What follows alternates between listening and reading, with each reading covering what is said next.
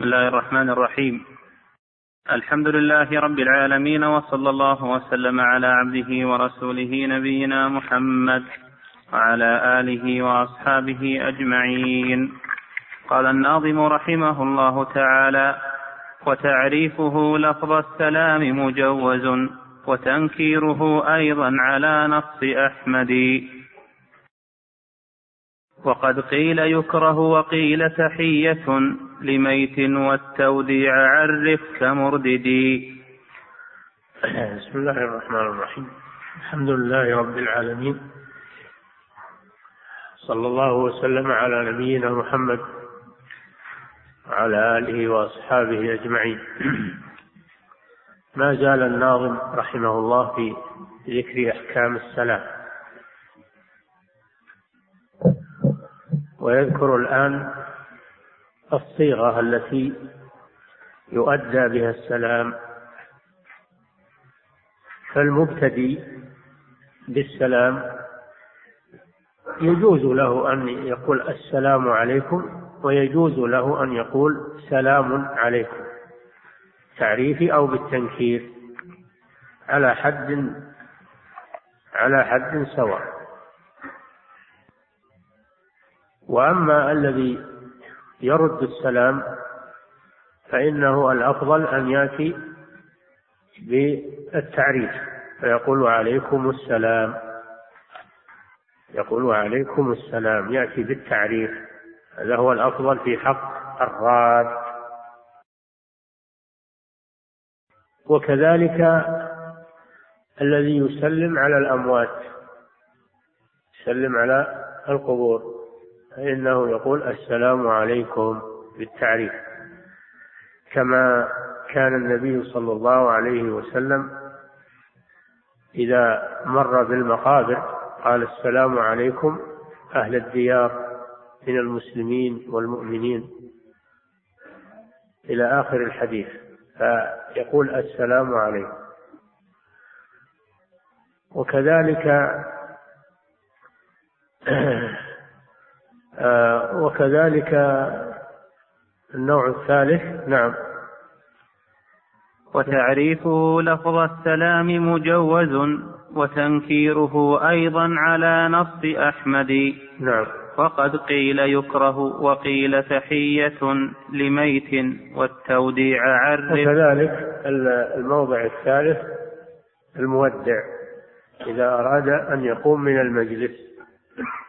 إذا أراد أن يقوم من المجلس فالأفضل أن يأتي بالتعريف فيقول السلام عليكم. فهذه أربعة مواضع. الموضع الأول المبتدئ هذا مخير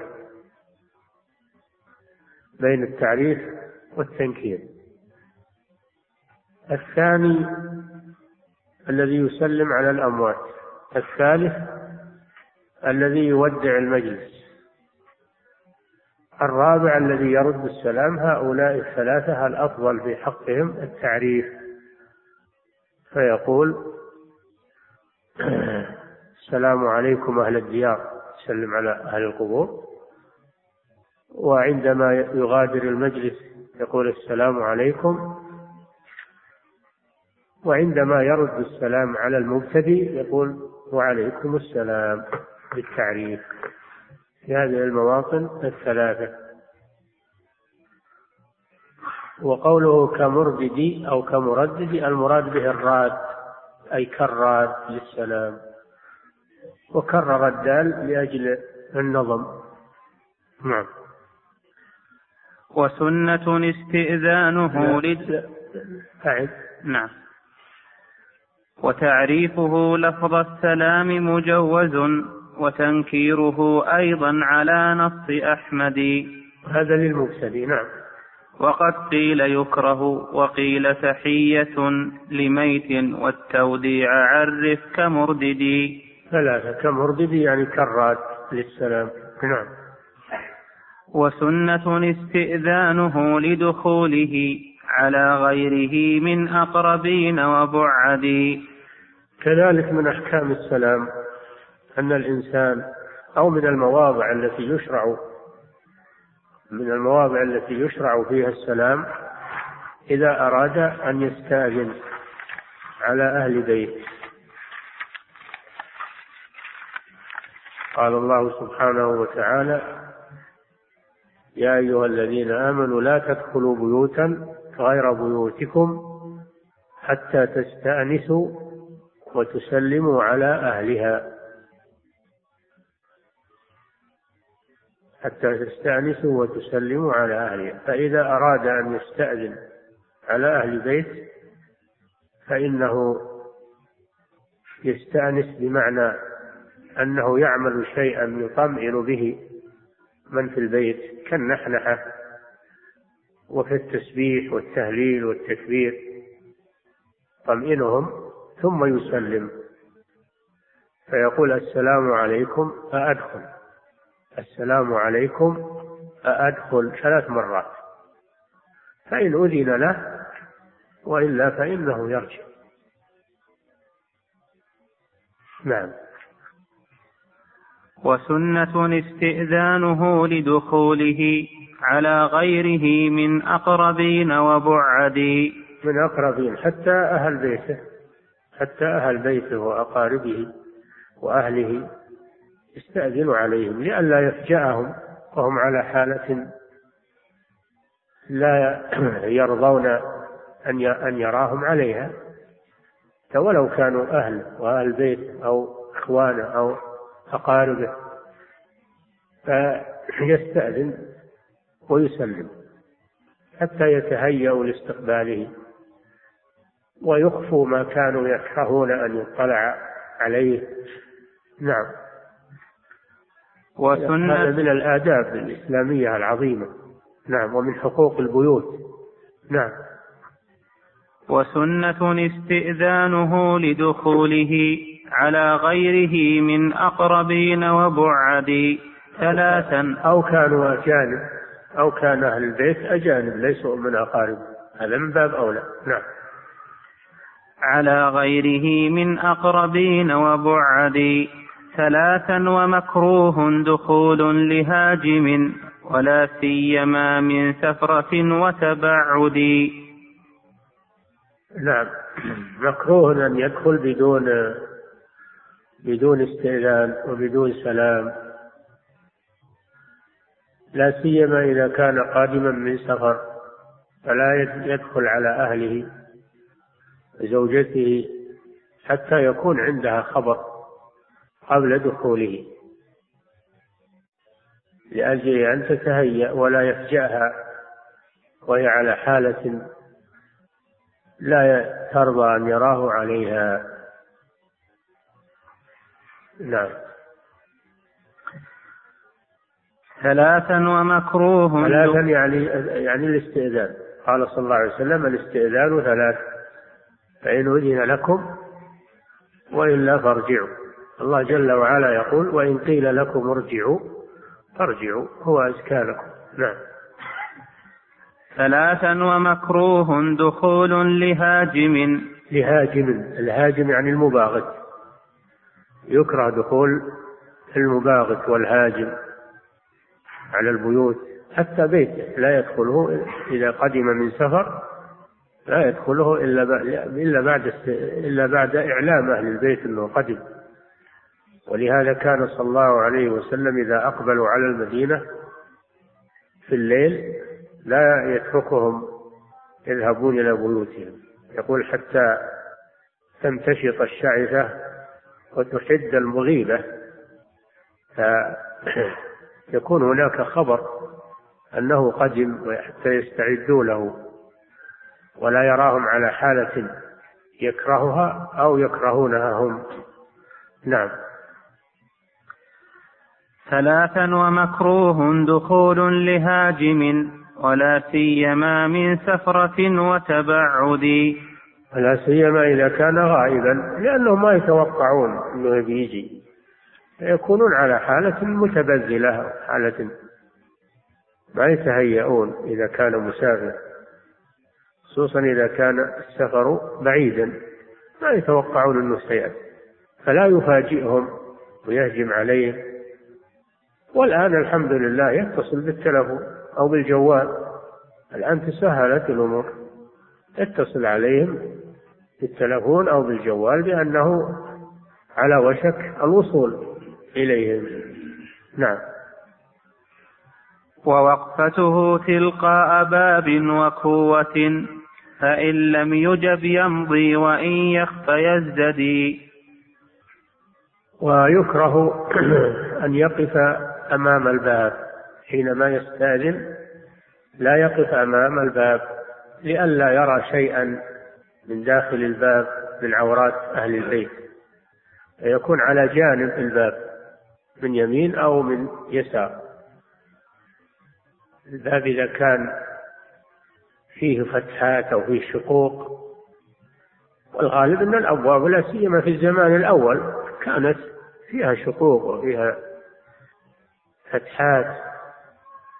فإذا وقف أمام الباب نفذ بصره إلى من ورائه فربما يرى شيئا من عورة أهل البيت. النبي صلى الله عليه وسلم استأذن عليه رجل فصار الرجل ينظر من خلال الباب. فالنبي صلى الله عليه وسلم هم أن يفقأ عينه. هم أن يفقأ عينه لأنه أساء الأدب. وكان صلى الله عليه وسلم إذا استأذن على أهل بيت يقف عن جانب الباب ولا يقف أمامه. وكذلك الكوة وهي الفتحة التي في الجدار. إذا كان الجدار فيه فتحة تنفذ على الداخل فلا يقف أمامها بل يتنحى عنها. كل هذا من أجل حقوق المسلمين واحترام المسلمين وعدم الاطلاع على أسرارهم وعوراتهم. وإن يخفى يزدري يعني إذا كانت الثلاث يظن أن ما سمعوها لأن صوته خافت. إذا كانت الثلاث ما ما سمعوها لكون صوته خفيا فإنه يزيد على الثلاث للحاجة. أما إذا كان صوته يسمعونه وينفذ إليهم فلا حاجة إلى الزيادة. الاستئذان ثلاث إن أذن لكم وإلا فارجعوا لكن اليوم كما ترون المباني الجديدة نظام المساكن غير الأول. الآن ما يسمعون لو, لو تصوت لو أي شيء تعمل ما يسمعك من داخل البيت. فماذا تصنع؟ تستخدم الوسيلة التي تبلغ وهي الأجراس التي تدق عندهم. فيصل صوتها إليهم ثلاث مرات. تضرب الجرس. ثلاث مرات وتقول السلام عليكم. السلام عليكم كل مرة تقول السلام عليكم. ثلاث مرات ثم تنصرف. إلا إن كان غلب على ظنك من الجرس ما وصل صوته إليهم فلا بأس أن تزيد. نعم. ووقفته تلقاء باب وكوة فإن لم يجب يمضي وإن يخف يزددي. إن لم يجب بعد الاستئذان ثلاثا فإنه يمضي. فإن أذن لكم وإلا فارجعوا كما في الحديث. إلا أن يخفى صوته ولا يصل إليهم فيزيد بقدر الحاجة حتى يسمعوه. نعم. وتحريك عليه وإظهار حسه لدخلته حتى لمنزله اشهدي ومن آداب الدخول في المنازل حتى منزله الخاص به الذي فيه زوجته وأهله ينبغي أن يكون هناك حركة تنبههم بدخوله كالنحنحة وكتحريك النعل حتى يكون على أهبة لدخوله. هذا أيضا من آداب الاستئذان ولا يدخل مختفيا. ليس له صوت حتى يقف عليهم لأن هذا فيه تخجيل لهم وفيه إساءة إليهم. نعم. وإن نظر الإنسان من شق بابه بلا إذنه إن يف. وإن نظر الإنسان من شق بابه بلا إذنه إن يفقع عينيه لم يدي نعم حرم الله الاطلاع على عورات البيوت. فإذا تعمد النظر إلى داخل البيت فلصاحب البيت أن يفقع عينيه. أن يفقع عينيه لأن هذا بحكم الصائل المعتدي. فإن فقع عينه فلا دية لم يدي يعني لم يجب عليه ضمان لأن هذا مأذون فيه شرعا دفعا لشره. دفعا لشره. جاء في الأحاديث أنه لو أن إنسانا طلع على بيت غيره من غير إذن أما إذا أذن فله من يفقع عينه. وهم النبي صلى الله عليه وسلم أن يفقع عين الأعرابي الذي يتطلع من خلل الباب على بيت الرسول صلى الله عليه وسلم. البيوت لها حرمة. نعم. وإن نظر الإنسان من شق بابه بلا إذنه. يعني باب غيره. إن نظر الإنسان إلى شق بابه أي باب غيره. نعم. وإن نظر الإنسان من شق بابه بلا إذنه إن يفقع عينيه لم يدي.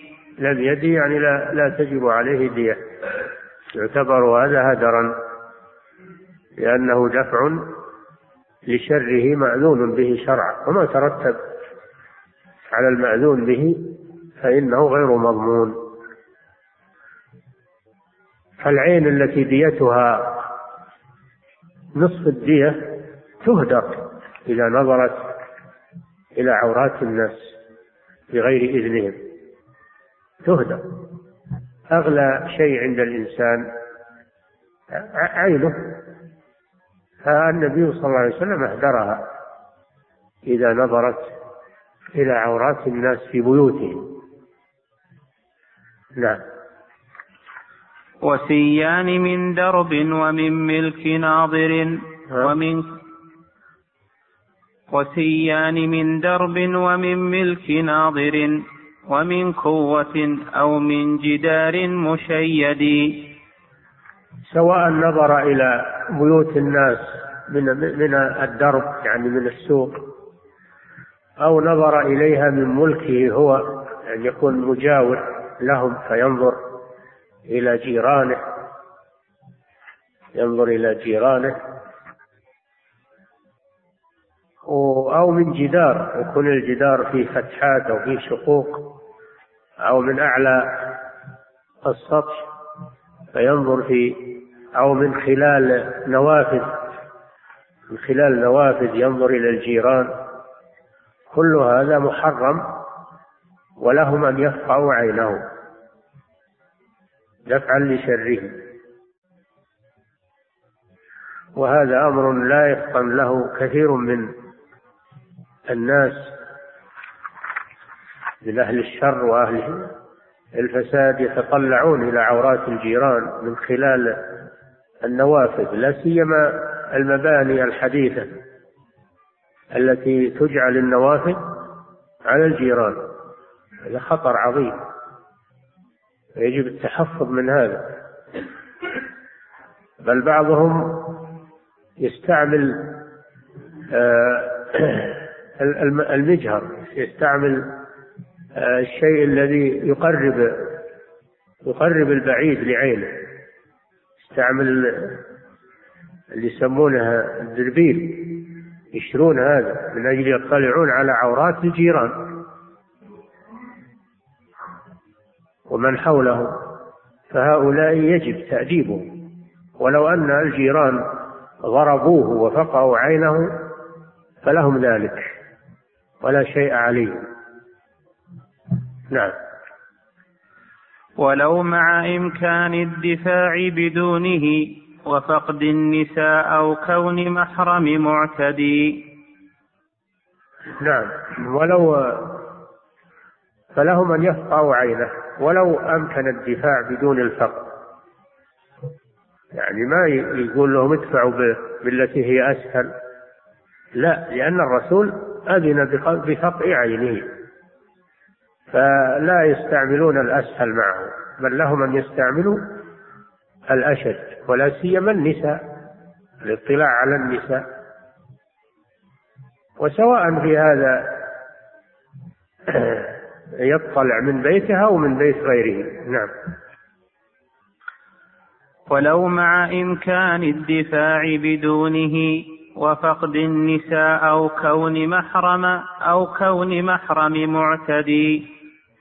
نعم. ما ينظر حتى ولا إلى إلى محارمه. لو كان له يقول هالبيت بوه بعض نسائي وبوه بعض بناتي هو بيت لغيره لكن بوه شيء من نسائه. ويقول أنا ما بطلع على بناتي ولا يقول لا ما يجوز لك هذا. ولو كانت نساؤك عند الجيران أو عند أهل البيت ما يباح لك هذا. نعم. ولا تحذف الأعمى وقال أبو الوفاء بلى إن يكن يسمع ليحذف ويسدد. الأعمى هذا في المبصر الأعمى الأعمى ما هو ينتفي في حق النظر إلى العورات لأنه أعمى. لأنه أعمى. فلا تفقى عينه أو يضرب إذا صار قدام الباب أو أو من خلال أو حذاء قوة الجدار أو غير ذلك لفقدان المحذور لفقدان المحذور. ولكن أبو الوفاء بن عقيل رحمه الله يقول حتى الأعمى لأنه إذا لم يبصر فهو يسمع. إذا لم يبصر فهو يسمع. فأيضا الأعمى يمنع من هذا الشيء لأن عنده البصر.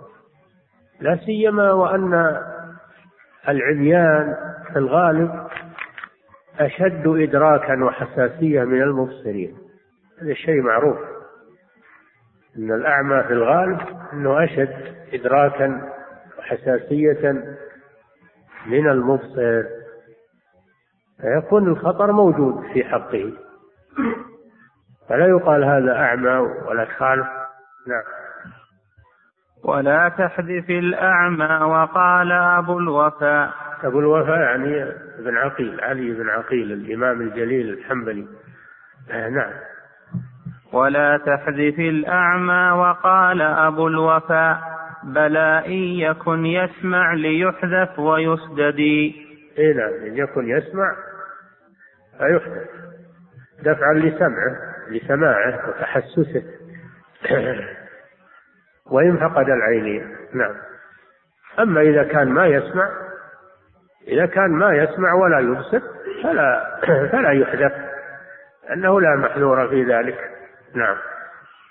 وكل قيام لا لوال وعالم. هذا من أحكام هذا من أحكام السلام أيضا وما زال في أحكام السلام. مسألة القيام مسألة القيام لل... للناس. هل تجوز أو لا تجوز؟ القيام يقول فيه ثلاث حالات. أولا أن يقوم له احتراما. يقوم له احتراما. ما هو بيسلم عليه ولا لكن إذا شافه قام احتراما له. هذه حالة. هذا يسمى القيام له. الحالة الثانية القيام إليه لأجل السلام عليه ولقائه. الحالة الثالثة القيام عليه أي على رأسه وهو جالس. هذه أحوال القيام فيها تفاصيل وهذا مقام مفيد جدا مسألة القيام. أما أن يقوم تقديرا للإنسان فهذا يباح أنه يقوم للعالم. يقوم للعالم تقديرا له. هذا واحد. ثانيا يقوم للأمير ولي الأمر تقديرا له. هذا الثاني. ثالثا يقوم لوالده يقوم لوالده إكراما له إذا جاء. رابعا يقوم لمن له شأن في الإسلام. الذين لهم شأن في الإسلام والعبادة ولهم. فيقوم تقديرا لهم. هذا لا بأس به. أما القيام لسائر الناس فهذا لا, لا يشرع. لا يشرع. هذا القيام له. القيام إليه هذا لا بأس به.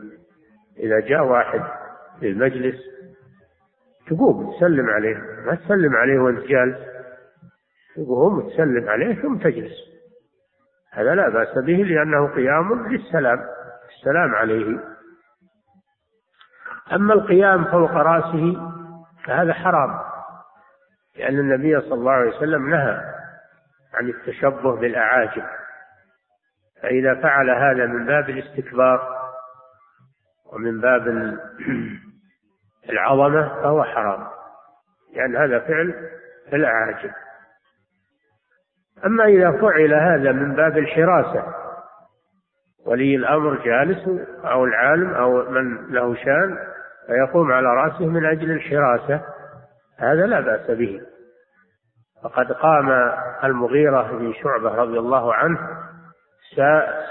ومعه سيفه يعني قام آه، وقد جرد سيفه على رأس رسول الله صلى الله عليه وسلم في غزوة الحديبية. لما جاء الكفار يفاوضونه وقف النبي صلى وقف المغيرة على رأسه شاهرا سيفه حراسة للرسول صلى الله عليه وسلم وإرهابا وإرهابا للكفار. فإذا احتيج إلى القيام على رأسه للحراسة أو إرهاب العدو فهذا لا بأس به. أما أن يفعل هذا من باب العظمة والافتخار والكبر هذا حرام. هذا هو التفصيل في القيام. القيام القيام لأجله. القيام له لأجله. القيام للسلام عليه. القيام عليه على رأسه. نعم. وكل قيام لا لوال وعالم ووالده أو سيد كرهم. نعم. يعني أربعة. أربعة. القيام للوالي ولي الأمر. تقوم له إجلالا له. ثاني الوالد. تقوم له. الثالث العالم. تقوم له إذا إذا جاء. ولا تجلس حتى يجلس. إكراما له. نعم الرابع. السيد. السيد يعني رئيس القبيلة. رئيس القبيلة. هذا يقوم يقومون له. قوله صلى الله عليه وسلم لما جاء سعد بن معاذ رضي الله عنه راكبا على الفرس قال قوموا إلى سيدكم. قال للأنصار قوموا إلى سيدكم.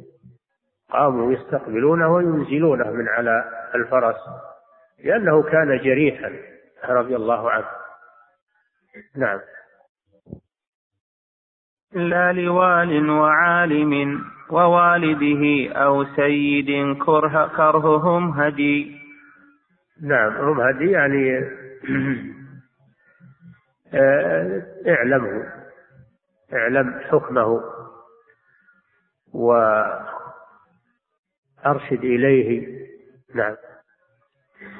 وصافح لمن تلقاه من كل مسلم. هذا هذه من أحكام السلام أيضا من أحكام السلام. عندنا المصافحة وعندنا آه، التقبيل تقبيل الرأس. وعندنا المعانقة المعانقة. أما الإنسان الذي في البلد هذا إذا جاء يصافح إذا لقيته تصافحه.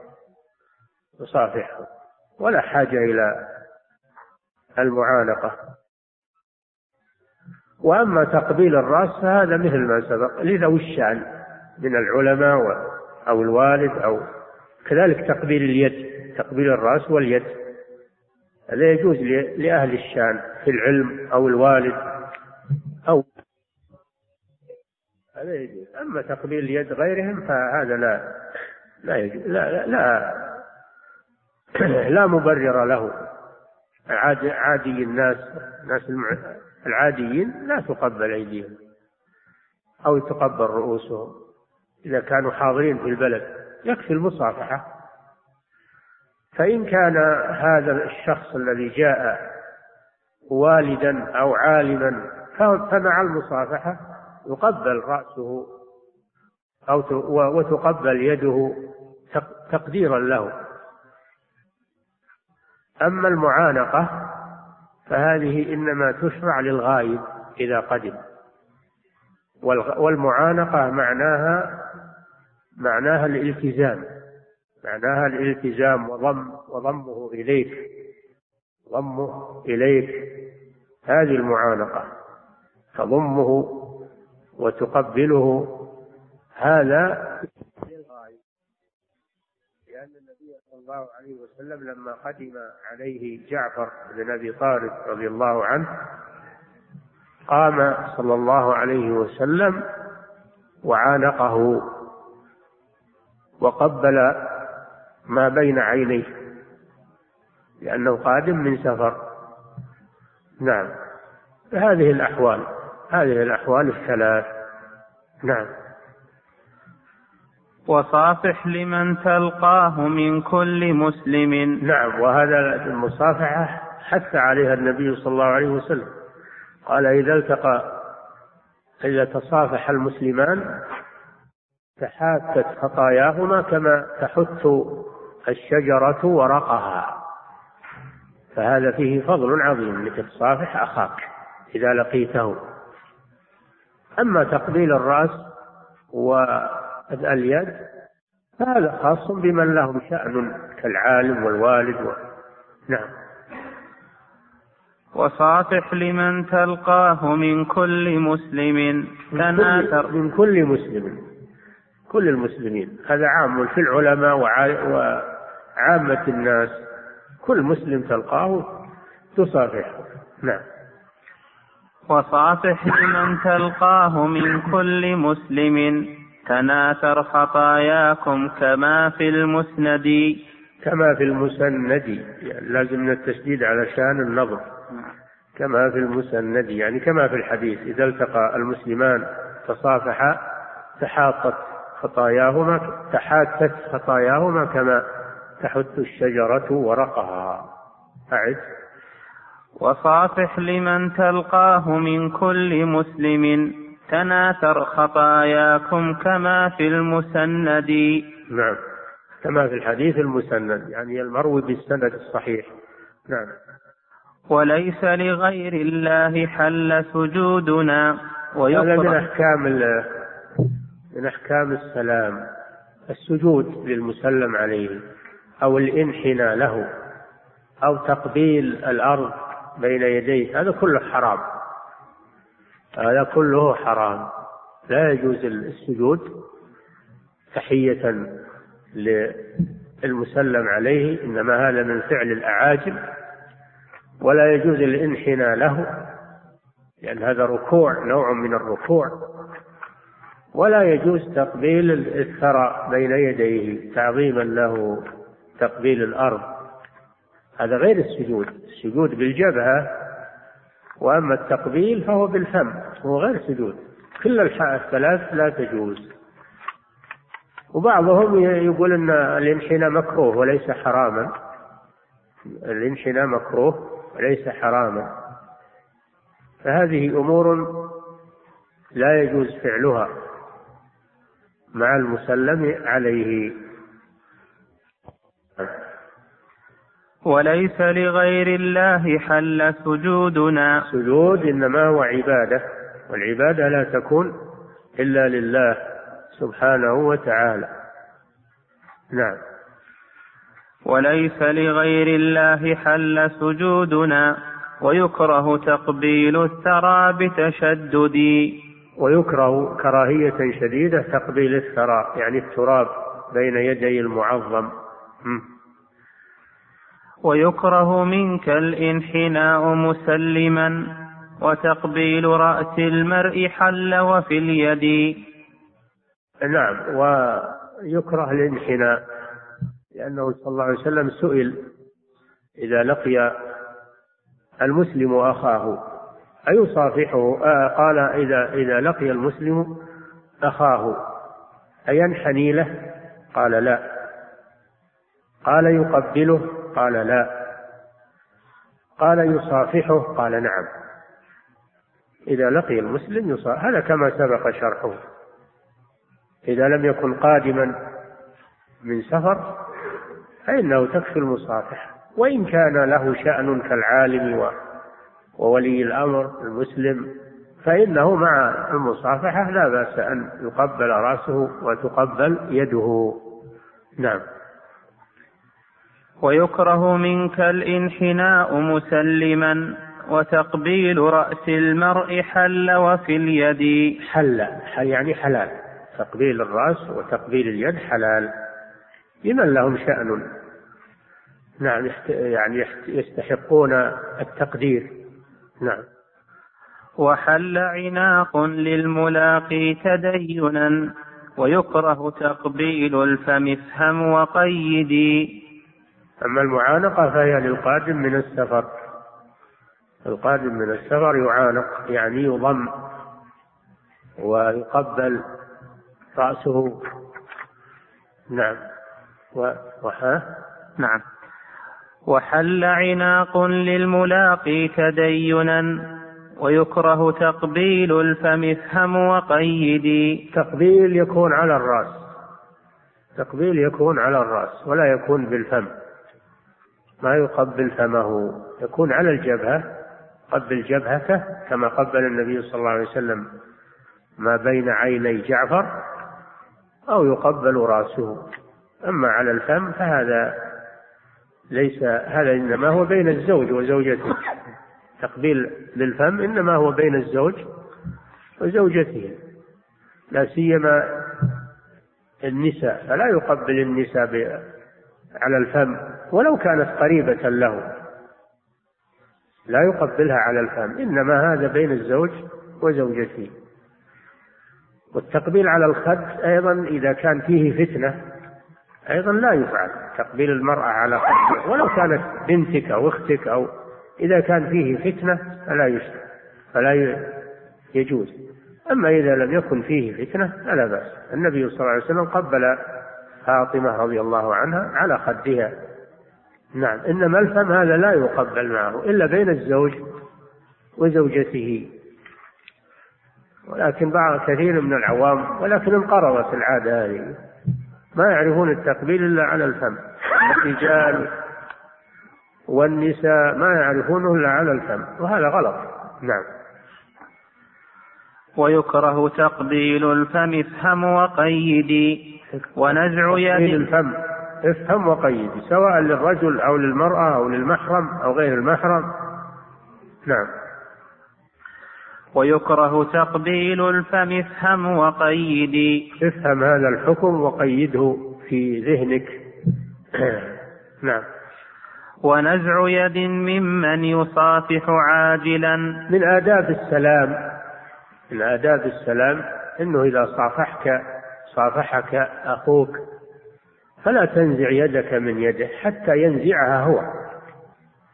المسلم عليه لا يجر يده من يد المصافح حتى ينزع المسلم. هذا من الآداب لأنك لو جررت يد منه أثر ذلك في نفسه. أما إذا صبرت إلى أنه هو ينزع يده فهذا لا يحصل فيه ضرر أو يحصل فيه شيء من الحساسية. هذا من آداب السلام. نعم. ونزع يد ونزع يد ممن يصافح عاجلا وأن عاجلا يعني يستعجل بنزع يده. يستعجل بنزع يده من يد المصافحين. هذا ليس من الآداب. نعم. ونزع يد ممن يصافح عاجلا وأن يتناجى الجمع ما دون مفرد.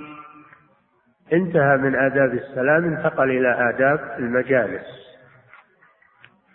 المنظومة هذه عجيبة حافلة بالأحكام حافلة بالآداب الشرعية. انتقل إلى آداب المجالس. من آداب المجالس أنه لا يجوز أن يتناجى اثنان دون الثالث. إذا كانوا ثلاثة فلا يتناجى اثنان يتركون الثالث لأن هذا يسيء إليه ربما يسيء الظن بهم وأنهم يتآمرون عليه أو أنهم يسبونه أو أنهم يغتابونه. فإذا تحدث وأيضا هذا يعطيه احتقارا يظن أنهم يحتقرونه. فلا يت... قال صلى الله عليه وسلم إذا كنتم ثلاثة فلا يتناجى اثنان دون الثالث؟ هذا من آداب المجالس.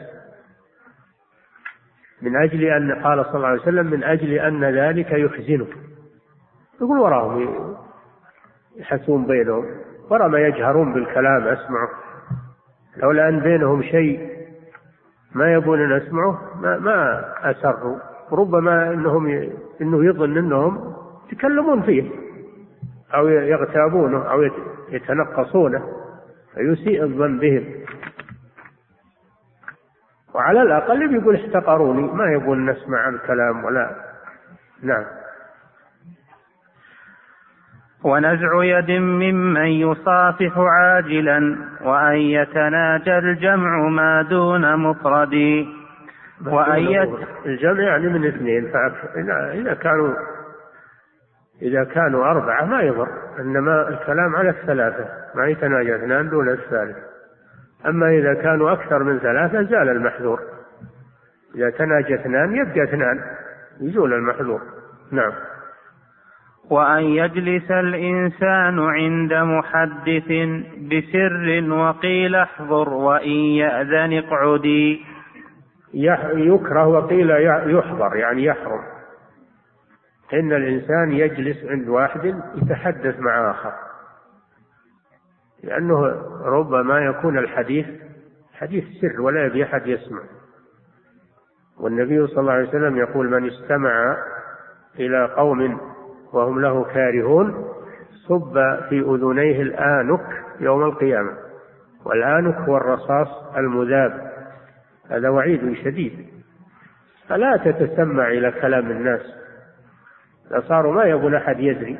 لا تسمع. لا تسمع الكلام. إذا شفتهم يحسون ابتعد عنهم لأن لأنه يكون بينهم سر. ولا يبون أحد يسمعه فلا تأتي وتجلس تسمع. إلا إذا استأذنت وأذنوا لك بالجلوس فلا بأس. هذا من آداب المجالس أيضا. أنه لا يستمع لكلام المتحدث الذي لا يحب أنه يسمع حديثه حتى يستأذن منه. نعم. ومر ومرأى عجوز لم ت... وأن يجلس الإنسان عند محدث. محدث يعني متحدث. المراد المتحدث ما هو المراد المحدث من راوي الحديث؟ لا متحدث. نعم.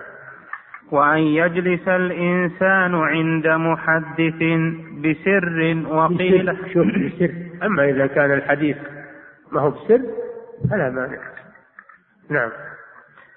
وأن يجلس الإنسان عند محدث بسر وقيل احضر وإن يأذن اقعدي وقيل احضر. القول الأول أنه مكروه كراهة التنزيه. والقول الثاني أنه حرام. للوعيد سمعتم الوعيد عليه والوعيد يدل على أن هذا الشيء محرم. نعم. ومرأى عجوز لم ترد وصفاحها وخلوتها أكره لا تحية اشهدي. اشهدي. نعم. هذا مسألة المرأة العجوز اللي ما تشتهى لا تراد يعني ما تشتهى. يكره أنك تنظر إليها حتى وإن كانت عجوزا. يكره أنك تنظر إليها وإن كانت عجوزا. لأنه ربما يزينها لك الشيطان. وكذلك مصافحتها يكره مصافحتها باليد. وإن كانت عجوزا لا تشتهى. أما الخلوة بها فهي حرام. لعموم الحديث ما خلا رجل بامرأة إلا كان الشيطان ثالثهما. الحديث عام في جميع النساء حتى ولو كانت كبيرة لا يخلو بها وهو ليس محرما لها. ولا تسافر معه بدون ولا تسافر مع غير محرم ولو كانت كبيرة. نعم. ومرأى عجوز لم ترد وصفاحها. وخلوتها أكره لا تحيتها أشهدي. أما التحية أنك تسلم عليها أنك تسلم عليها لا بأس. تقول السلام عليكم ترد عليك. السلام عليكم يا أم فلان كيف حال؟ لا بأس بذلك. لأن هذا ليس فيه محذور والسلام سنة. فلا محذور في هذا. نعم. وتشميتها وكره كلا الخصلتين للشباب من الصنفين بعدا وأبعد. نعم. هذا في الكبيرة. يكره النظر إليها ويكره مصافحتها ويكره الخلوة بها وهي كبيرة. قال تعالى والقواعد من النساء اللاتي لا عجوز لم ترد وصفاحها وخلوتها اكره لا تحيتها اشهدي. اشهدي. نعم. هذا مسألة المرأة العجوز اللي ما تشتهى. لا تراد يعني ما تشتهى. يكره أنك تنظر إليها. حتى وإن كانت عجوزا. يكره أنك تنظر إليها. وإن كانت عجوزا. لأنه ربما يزينها لك الشيطان. وكذلك مصافحتها يكره مصافحتها باليد. وإن كانت عجوزا لا تشتهى. أما الخلوة بها فهي حرام. لعموم الحديث ما خلا رجل بامرأة إلا كان الشيطان ثالثهما. الحديث عام في جميع النساء حتى ولو كانت كبيرة لا يخلو بها وهو ليس محرما لها. ولا تسافر معه بدون ولا تسافر مع غير محرم ولو كانت كبيرة. نعم. ومرأى عجوز لم ترد وصفاحها وخلوتها اكره لا تحيتها اشهدي أما التحية أنك تسلم عليها أنك تسلم عليها لا بأس. السلام عليكم ترد عليك السلام عليكم يا أم فلان. كيف حال؟ لا بأس بذلك. لأن هذا ليس فيه محذور والسلام سنة. فلا محذور في هذا نعم. وتشميتها وكره كلا الخصلتين للشباب من الصنفين بعدا وأبعد. نعم. هذا في الكبيرة. يكره النظر إليها ويكره مصافحتها. ويكره الخلوة بها وهي كبيرة. قال تعالى والقواعد من النساء اللاتي لا يرجون نكاحا فليس عليهن جناح أن يضعن ثيابهن غير متبرجات بزينة وأن يستعففن خير لهن. أما الشابة فيحرم النظر إليها بشهوة ويحرم مصافحتها لأن النبي صلى الله عليه وسلم ما صافحت يده يد امرأة قط لا تحل له وإنما كان يبايع النساء بالكلام. المصافحة أو يسمونها بعض العوام المخامسة يعني يخامسها بيده الأصابع الخمسة. هذا حرام لا يجوز المصافحة لأن هذا وسيلة إلى شر وفتنة والخلوة بها أشد من بعيد وأبعد يعني من من من من فتاة أنثى أو من فتى ذكر. نعم. يعني أجنبي بعيد وأبعد يعني أجنبي منها وأجنبية منه. أما أخته أو بنته أو بنت بنته أو بنت ابنه لا بأس. ما هي بعيدة هذه ولا هو بعيد عنها. نعم.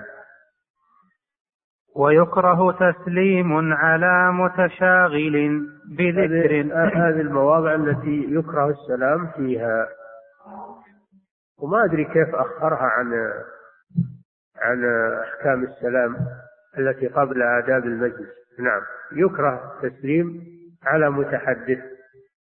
واحد منشغل بالكلام مع غيره تجي وتسلم عليه. ما يرد عليك مشهور لا تسلم عليه. نعم. ويكره النسخة المخطوطة مقدمها في موضعها. نعم ها؟ النسخة الخطية مقدم المكروهات في موضعها. هذا هو الصحيح نعم. والعجيب إن الشارح ألغاها كلها ما, هي موجودة في في النظم اللي عليه الشرح شرح السفارين نعم.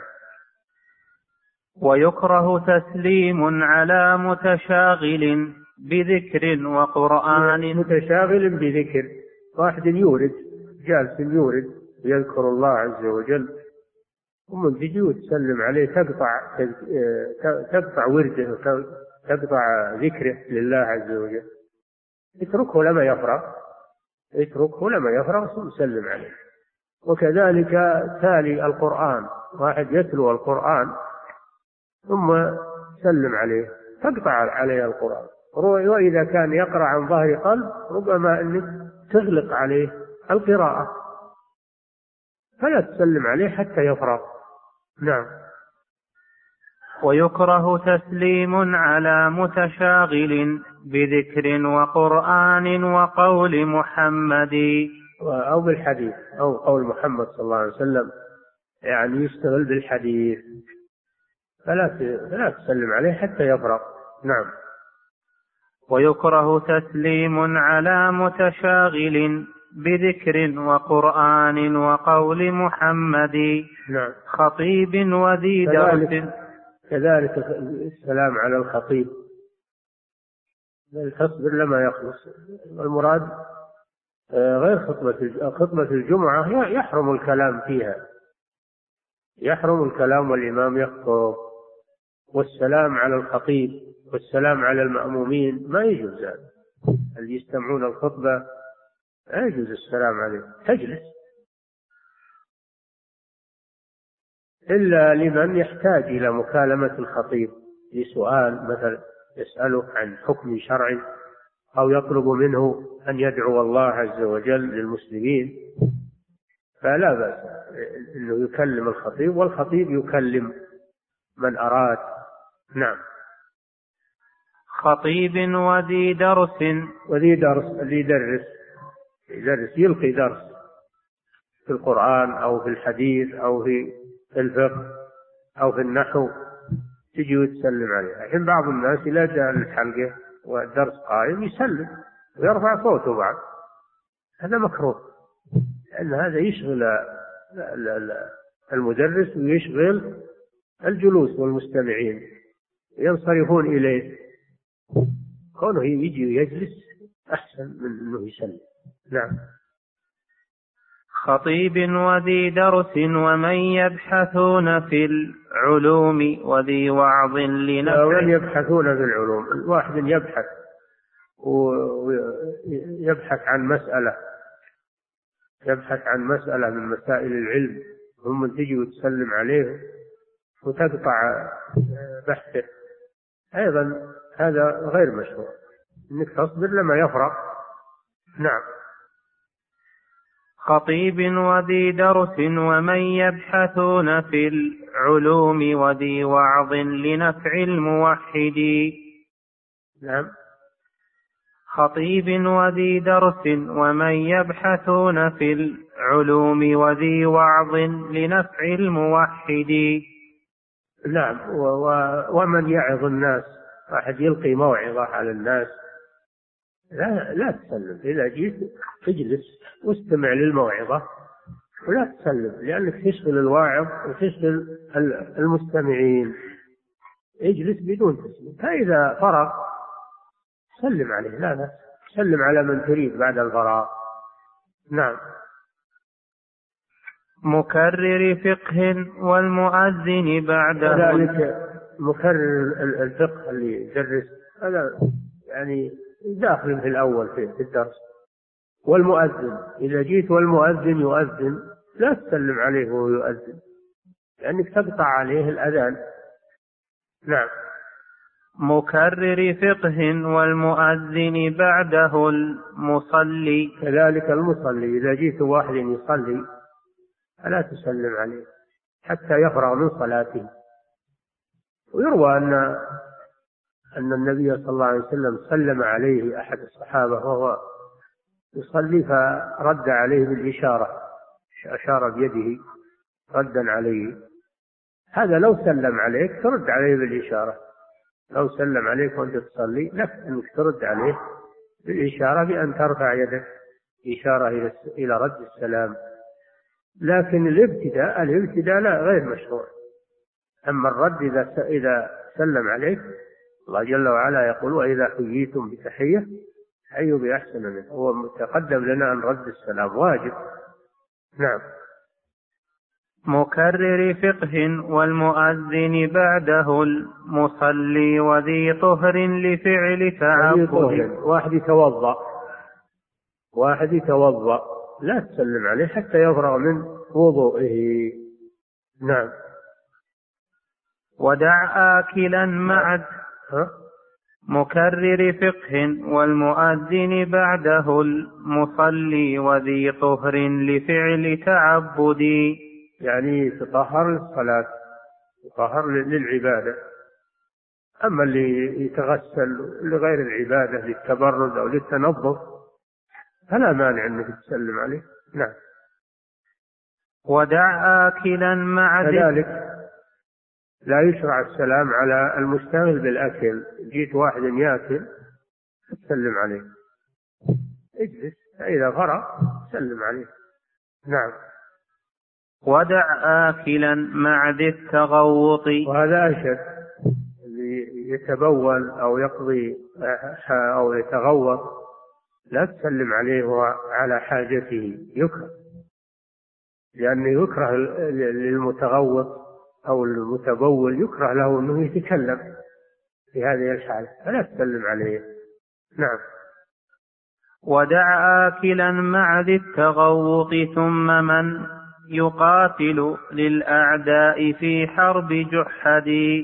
كذلك النوع الأخير المجاهد. في حال الجهة في حال القتال. في حال القتال لا تسلم على المقاتل لأنه مشغول عنك بالقتال لأعداء الله. نعم. صلة الأرحام وبر الوالدين. يكفي.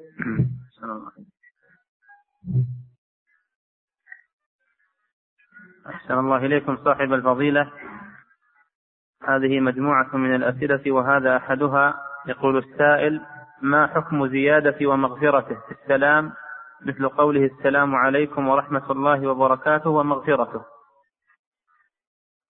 هذا ما ورد الذي ورد أنه يقول السلام عليكم ورحمة الله وبركاته. هذا الذي ورد. زيادة ومغفرة؟ ما أدري. نعم. أحسن الله إليكم صاحب الفضيلة. هذا السائل يقول من كان يقرأ القرآن وسلم عليه أحدهم فهل يواصل القراءة أم يرد عليه السلام؟ خير يخير. إن شاء رد عليه السلام وإن شاء أجل الرد إلى أن يفرغ من القراءة. نعم. أحسن الله إليكم صاحب الفضيلة. وهذا السائل يقول ما حكم مصافحة الكافر إذا بدأ هو بالمصافحة؟ ما يقولون لا يجوز هذا. يقول الشارع لا يجوز هذا. مصافحة الكافر نعم. أحسن الله إليكم صاحب الفضيلة. وهذا السائل يقول المصافحة كما سمعت تحط الخطايا. وهذا كافر. ليس في مصافحته قربة إلى الله ولا طاعة لله. نعم. لكن إذا سلم عليه يرد عليه يقول عليكم هذا الذي ورد عن الرسول صلى الله عليه وسلم. لا تبدأوا اليهود والنصارى بالسلام وإذا سلموا عليكم فقولوا وعليكم. نعم. أحسن الله إليكم صاحب الفضيلة. وهذا السائل يقول ما حكم السلام على المصلين بعد الانتهاء من الصلاة ومغادرة المسجد؟ هذا نقل الشارح عن شيخ الإسلام ابن تيمية أن هذا بدعة اعتياد. اعتياد السلام بعد الفريضة يقول بدعة. أما لو سلم عليه بعض الأحيان لأنه ما لقيه ولا شافه يوم صلى بجنبه شافه سلم عليه ما في بأس. أما أنه يتخذ عادة بعد الفريضة فهذا يقول شيخ نقل الشارح عن شيخ الإسلام أنه بدعة. يحتاج هذا إلى وبعضهم يقول لا ما هو بدعة. نقل الخلاف. نقل الشارح الخلاف. لكن شيخ الإسلام ابن تيمية يقول إنه بدعة وهو الأقرب. وهو الأقرب. نعم.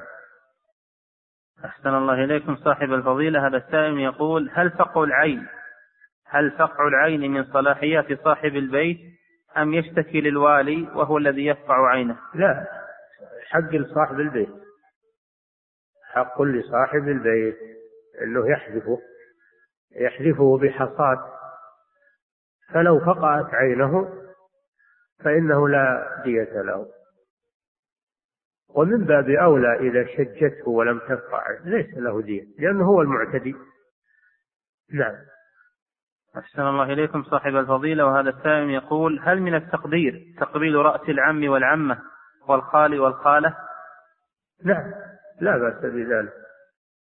لا بأس بذلك. تقبل رأس من له قرابة أو من له فضل. كالعلماء و... نعم. أحسن الله إليكم صاحب الفضيلة وهذا السائل يقول بعض القبائل إذا تقابلوا يسلم بعضهم على بعض بالأنوف مع العلم أن الرجال يفعلونه مع محارمهم من النساء. فهل هذا الفعل جائز؟ لا أعلم لهذا أصلا. لا أعلم لهذا أصلا. فالأنوف يعني يقبل, يقبل الأنف بالأنف ما يسمى تقبيل نعم. أحسن الله إليكم صاحب الفضيلة. هذا السائل يقول من الملاحظ على بعض الناس إذا تصافحوا أو أو تعانقوا يقولون اللهم اغفر لي ولأخي وقد سمعتها منهم كثيرا يرددونها عند المصافحة والمعانقة فما الحكم فيها؟ لا بأس بذلك. طيب الدعاء لأخيك. الدعاء لأخيك لا بأس طيب. نعم. أحسن الله إليكم صاحب الفضيلة. هذا السائل يقول بعض طلاب العلم يقول إن السنة هو السلام على أهل المجلس وهم قعود أي مصافحتهم قعودا. إيش؟ هذا السائل يقول سلمك الله أن بعض طلاب العلم يقول إن السنة هو السلام على أهل المجلس وهم قعود أي مصافحتهم وهم قعود. حسب العادة. شيخ الإسلام يقول إذا كان إذا لم تقم له ما هو عالم ولا هو بولي أمر ولا هو بوالد ولا هو من الذين يشرع القيام لهم لكن هو من عادة من عامة الناس. لكن لو لم تقم له يصير في نفس الشيء يبغضك ولا يحز في نفسه. دفعا للمفسدة تقوم. لا بأس. إذا خشيت أنه يتأثر أو أنه تقوم. دفعا للضرر. نعم. أحسن الله إليكم صاحب الفضيلة. هذا السائل يقول إذا مرت إذا مررت بأناس ولا أعلم هل هم مسلمين أم لا فهل أسلم عليهم؟ إن كانوا في بلاد المسلمين فالأصل فيهم الإسلام. كانوا في بلاد المسلمين فالأصل فيهم الإسلام يسلم عليهم. أما إذا كانوا في غير بلاد المسلمين فلا فلا تسلم عليهم حتى يغلب على ظنك أو تعلم أنهم مسلمون. نعم. أحسن الله إليكم صاحب الفضيلة. وهذا السائل يقول عند دخول الوالي أو العالم في مجلس هل يجوز القيام له حتى يجلس في ذلك المجلس وليس للسلام عليه؟ مسألة مسألة تقديمه في المكان إذا سمحت فيه إذا سمحت فيه لا بأس لكن هو يكره له ذلك. يكره له ذلك. لأن ابن عمر رضي الله عنه كان إذا قام أحد وأراده أن يجلس في مكانه يأبى ويجلس في حيث انتهى به المجلس. من ناحية كانت إنك تقوم له تقديرا له لا بأس. أما هو فلا ينبغي له أنه يقبل هذا بل يجلس حيث انتهى به المجلس. نعم. أحسن الله إليكم. صاحب الفضيلة هذا السائم يقول من كان ينظر إلى عورات الجيران ثم تاب إلى الله جل وعلا من هذا فما الذي عليه بعد التوبة؟ عليه التوبة ولا يفضح نفسه لأنه لو بلغهم ربما يكون فيه شيء من الحساسية أو من الكراهية فيكفي التوبة يتوب إلى الله ويستر نفسه. ولا يتحدث بما رأى. لا يتحدث بما رأى. نعم. أحسن الله إليكم صاحب الفضيلة. وهذا السائل يقول رفع اليد اليمنى عند السلا عند الرأس. يقول رفع اليد اليمنى عند الرأس في حالة السلام. هل تجوز؟ إيش؟ وش وش الداعي لرفع اليد عند الرأس؟ ما ما أشوف له يعني. هذه عادة ها؟ أقول هذه عادة لبعض الناس. لا أعلم له. لا أعلم له أصل نعم. أحسن الله إليكم صاحب الفضيلة. هذا السائل يقول هل تقبيل يد هل تقبيل يد الأخ الأكبر وإمام المسجد جائز؟ ذكروا أن الكبير أيضا المسلم الكبير له حق أنه يقدر ويقبل رأسه ويقام له إذا جاء. يعني توقيرا لذي الشيبة أن توقير ذي الشيبة في الإسلام مشروع. وقال صلى الله عليه وسلم ليس منا من لم يوقر كبيرنا ويرحم صغيرنا. فذو الشيبة في الإسلام له قدر له مكانة. نعم. أحسن الله إليكم صاحب الفضيلة. وهذا السائم يقول هل يجوز تقبيل هل يجوز تقبيل الفم للطفل الصغير مع الزوجة؟ لا تقبيل إنما هو للزوج. يكفي منك اللي تقبل زوجك يا أخي. إيش تبي تقبل؟ الطفل الصغير مع فم نعم. أحسن الله إليكم صاحب الفضيلة. هذا السائم يقول أنا ضابط مسؤول وإذا أتيت نعم. إلى الأفراد؟ نعم. يقول أنا ضابط مسؤول وإذا أتيت إلى الأفراد وهم جلوس ينهضون من أجلي فهل في ذلك شيء؟ إن كنت تحب هذا منهم هذا لا يجوز لك.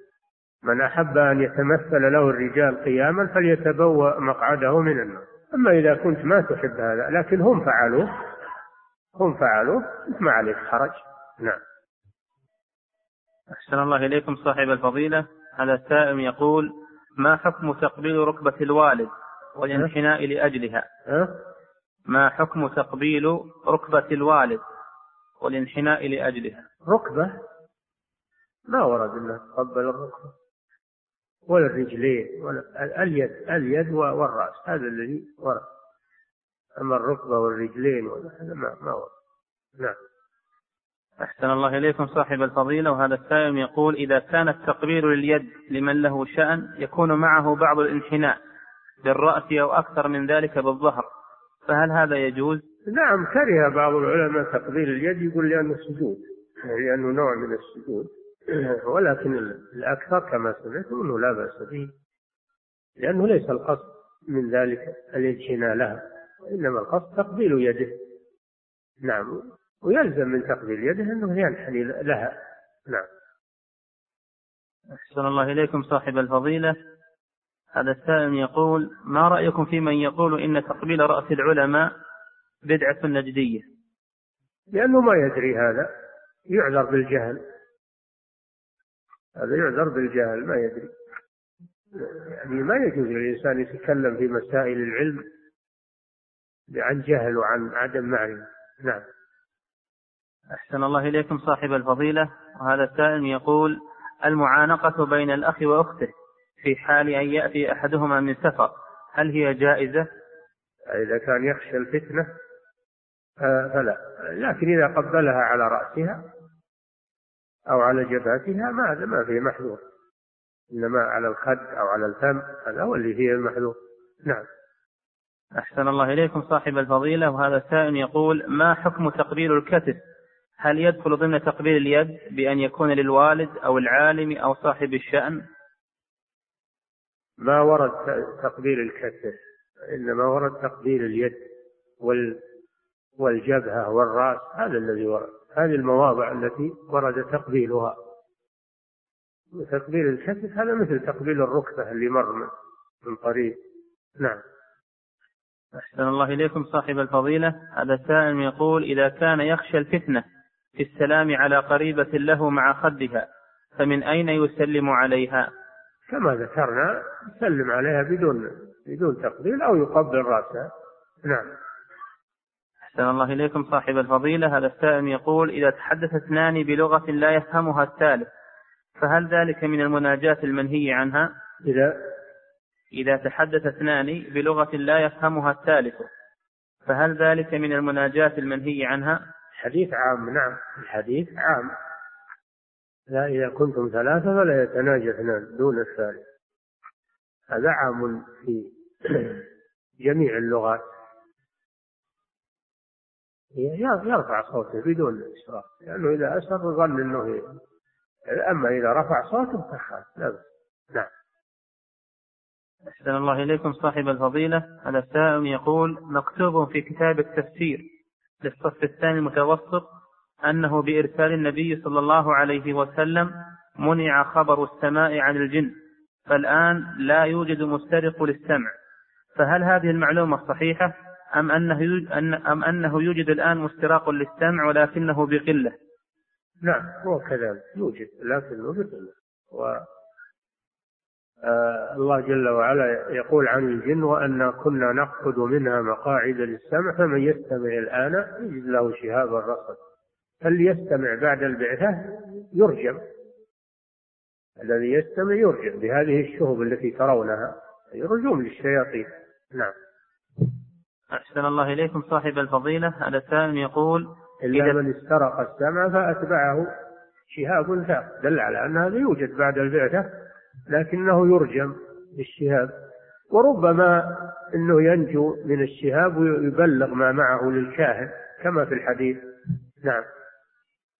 أحسن الله إليكم. صاحب الفضيلة هذا السائل يقول إذا اتصلت على أحد أصدقائي بالهاتف ربما تكلمني إحدى أخواته الشابات. فهل أسلم عليها؟ إذا كان فيه فتنة لا تسلم عليها. اسألها عن ما تريد بدون سلام. أما إذا كان ما فيه فتنة لا بأس. نعم. أحسن الله إليكم صاحب الفضيلة. وهذا السائل يقول هل كلام السر حرام؟ وما معنى قول بعض السلف إذا وجدت قوما يتسارون في دينهم فاعلم أنهم على ضلالة أو على تأسيس ضلالة. نعم لأن الدين ينبغي إظهاره ينبغي إظهار العلم. لا يجوز السرية في العلم والدين اللي يجعلون لهم مجالس خاصة. هؤلاء محل تهمة. العلم ينشر في المساجد وفي مجامع الناس ولا يختزن في في البيوت أو في استراحات أو في مكان بعيد عن الناس. لأن هذا محل تهمة محل شكوك. فينبغي إظهار العلم وينتفع به الناس. وتعمر به المساجد بيوت الله عز وجل. نعم. أحسن الله إليكم صاحب الفضيلة. هذا السائل يقول يكون في الأسرة في الأسرة كبيرات سن ولسن محارم وإذا لم أصافحها تغضب وقد تكون هناك قطيعة في المحارم بسبب ذلك. فهل لي أن أصافحها وأقبل رأسها؟ لا علمها أخبرها أن هذا لا يجوز. أخبرها أن هذا لا يجوز تقنع.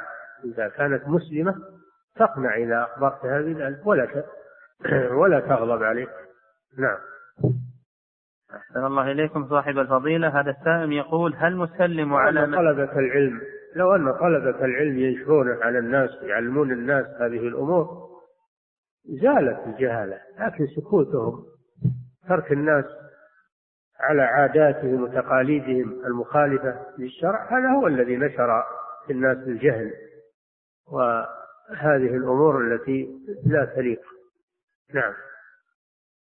أحسن الله إليكم صاحب الفضيلة. هذا سائل يقول هل نسلم على من نجده في المسجد ثم نصلي تحية المسجد أم نصلي التحية ثم نسلم عليهم؟ إذا انتهيت إليهم سلم ثم صل التحية. سلم أول ما تصل إلى المسجد آه، ثم تصلي التحية. نعم. أحسن الله إليكم صاحب الفضيلة. وهذا السائل يقول أخبرنا عن الحالة التي يكون فيها الرد بالسلام. حتى قالوا لو دخل المسجد وما فيه أحد أو دخل بيتا وما فيه أحد يسلم على نفسه. يقول السلام علينا وعلى عباد الله الصالحين. إذا دخل بيتا أو مسجدا ليس فيه أحد يسلم. بهذا اللفظ. السلام علينا وعلى عباد الله الصالحين. لأن نشر السلام له فوائد عظيمة. نعم. أحسن الله إليكم صاحب الفضيلة. هذا السائل يقول أخبرنا كيف يكون الرد بالسلام على من سلم وأنا أصلي نافلة؟ كل واحد نافلة وفريضة لك أنك تأجل الرد إلى بعد السلام أو أنك ترد عليه بالإشارة. نعم. أحسن الله إليكم صاحب الفضيلة. هذا السائل يقول إذا دخلت المسجد فهل أسلم على جماعة المسجد وهم مشغولون بقراءة القرآن في بي فيما بين الأذان والإقامة؟ لا. إذا كانوا يقرؤون القرآن سواء واحدا أو جماعة يقرؤون لا تسلم عليه لأنك تقطع عليهم القراءة. نعم. أحسن الله إليكم صاحب الفضيلة. هذا السائل يقول ما هو المنهج الذي يجب على المرء المسلم أن يسلكه في مثل هذه الفتن. أن يكثر من الدعاء يكثر من الدعاء والتضرع إلى الله عز وجل أن يحمي الإسلام والمسلمين وأن يرد كيد الأعداء والكافرين ويوطن الناس لأنه لا يصيبهم إلا ما كتب الله لهم. وأن هذا شيء ليس جديدا من الكفار أنهم يهددون المسلمين دائما ولكن الله مع المسلمين. فالمسلمون يحسنون الظن بالله ويعتصمون بالله ويتوبون إلى الله يصلحون أحوالهم. يصلحون أحوالهم ويقومون على بيوتهم وعلى من تحت أيديهم وعلى من حولهم يتآمرون بالمعروف ينهون عن المنكر حتى يرفع الله ما بهم. ما ما نزل بلاء إلا بذنب ولا رفع إلا بتوبة. عليه من يتوب أما أنهم يتلاومون فقط والشرع على فلان والشرع على فلان. ولا يكون هناك إصلاح للأحوال ولا دعاء ولا موعظة ولا شيء. هذا ما, ما لا يجوز وهذا يسبب العقوبة من الله سبحانه وتعالى. أما الكلام في الحل والربط هذا عند ولاة الأمور. عند ولاة الأمور هم اللي بيديهم النظر في هذه الأمور. الله يعينهم ويسدد خطاهم ويوفقهم إن شاء الله لما فيه صلاح الإسلام والمسلمين ورد كيد الأعداء. ادعوا له ادعوا لولاة الأمور. إن الله يسددهم إن الله يحفظهم وإن الله يعينهم إن الله يوفقهم للخروج من هذه المآزق ادعوا ادعوا للمسلمين وادعوا لولاة الأمور وادعوا على الكفار. وأصلحوا أنفسكم أيضا. أصلحوا أنفسكم. نعم. والله قريب مجيب سبحانه وتعالى. نعم. اللهم أحسن الله إليكم صاحب الفضيلة. هذا السائل يقول التاجر الذي يتغير ماله فيما بين ارتفاع وانخفاض في طوال السنة. ها؟ يقول التاجر الذي يتغير ماله بين ارتفاع وانخفاض طوال السنة وهو تاجر. ما هي الطريقة في إخراجه لزكاة ماله؟ في آخر السنة يحسب اللي عنده. في آخر السنة إذا تم الحول يجرد اللي عنده ويحسبه ويخرج ربع العشر. أما اللي تلف أو انصرف أو ذهب قبل تمام السنة هذا ما فيه زكاة. لا زكاة في مال حتى يحول عليه الحول. نعم. أحسن الله إليكم صاحب الفضيلة. هذا السائل يقول أريد التفريق بين الدم الفساد ودم الدورة التي بعد النفاس. إذا كانت الدورة غير منتظمة. أريد التفريق. بين دم الفساد ودم الدورة التي بعد النفاس. نعم إذا وافق إذا وافق نزول الدم عادتها الشهرية يكون حيضا أما إذا لم يوافق عادتها فهو دم فساد بعد بعد النفاس. ما يكون حيض إلا إذا وافق عادتها التي تعرفها قبل الولادة في وقتها جاءت في وقتها. نعم. أحسن الله إليكم صاحب الفضيلة. هذه سائلة تقول أنا مطلقة وقبل الطلاق نذرت أن أعمل وليمة لزوجي إذا تخرج من الدراسة نعم. والآن قد تخرج. إيه؟ تقول أنا مطلقة وقبل الطلاق نذرت أن أعمل وليمة لزوجي إذا تخرج من الدراسة.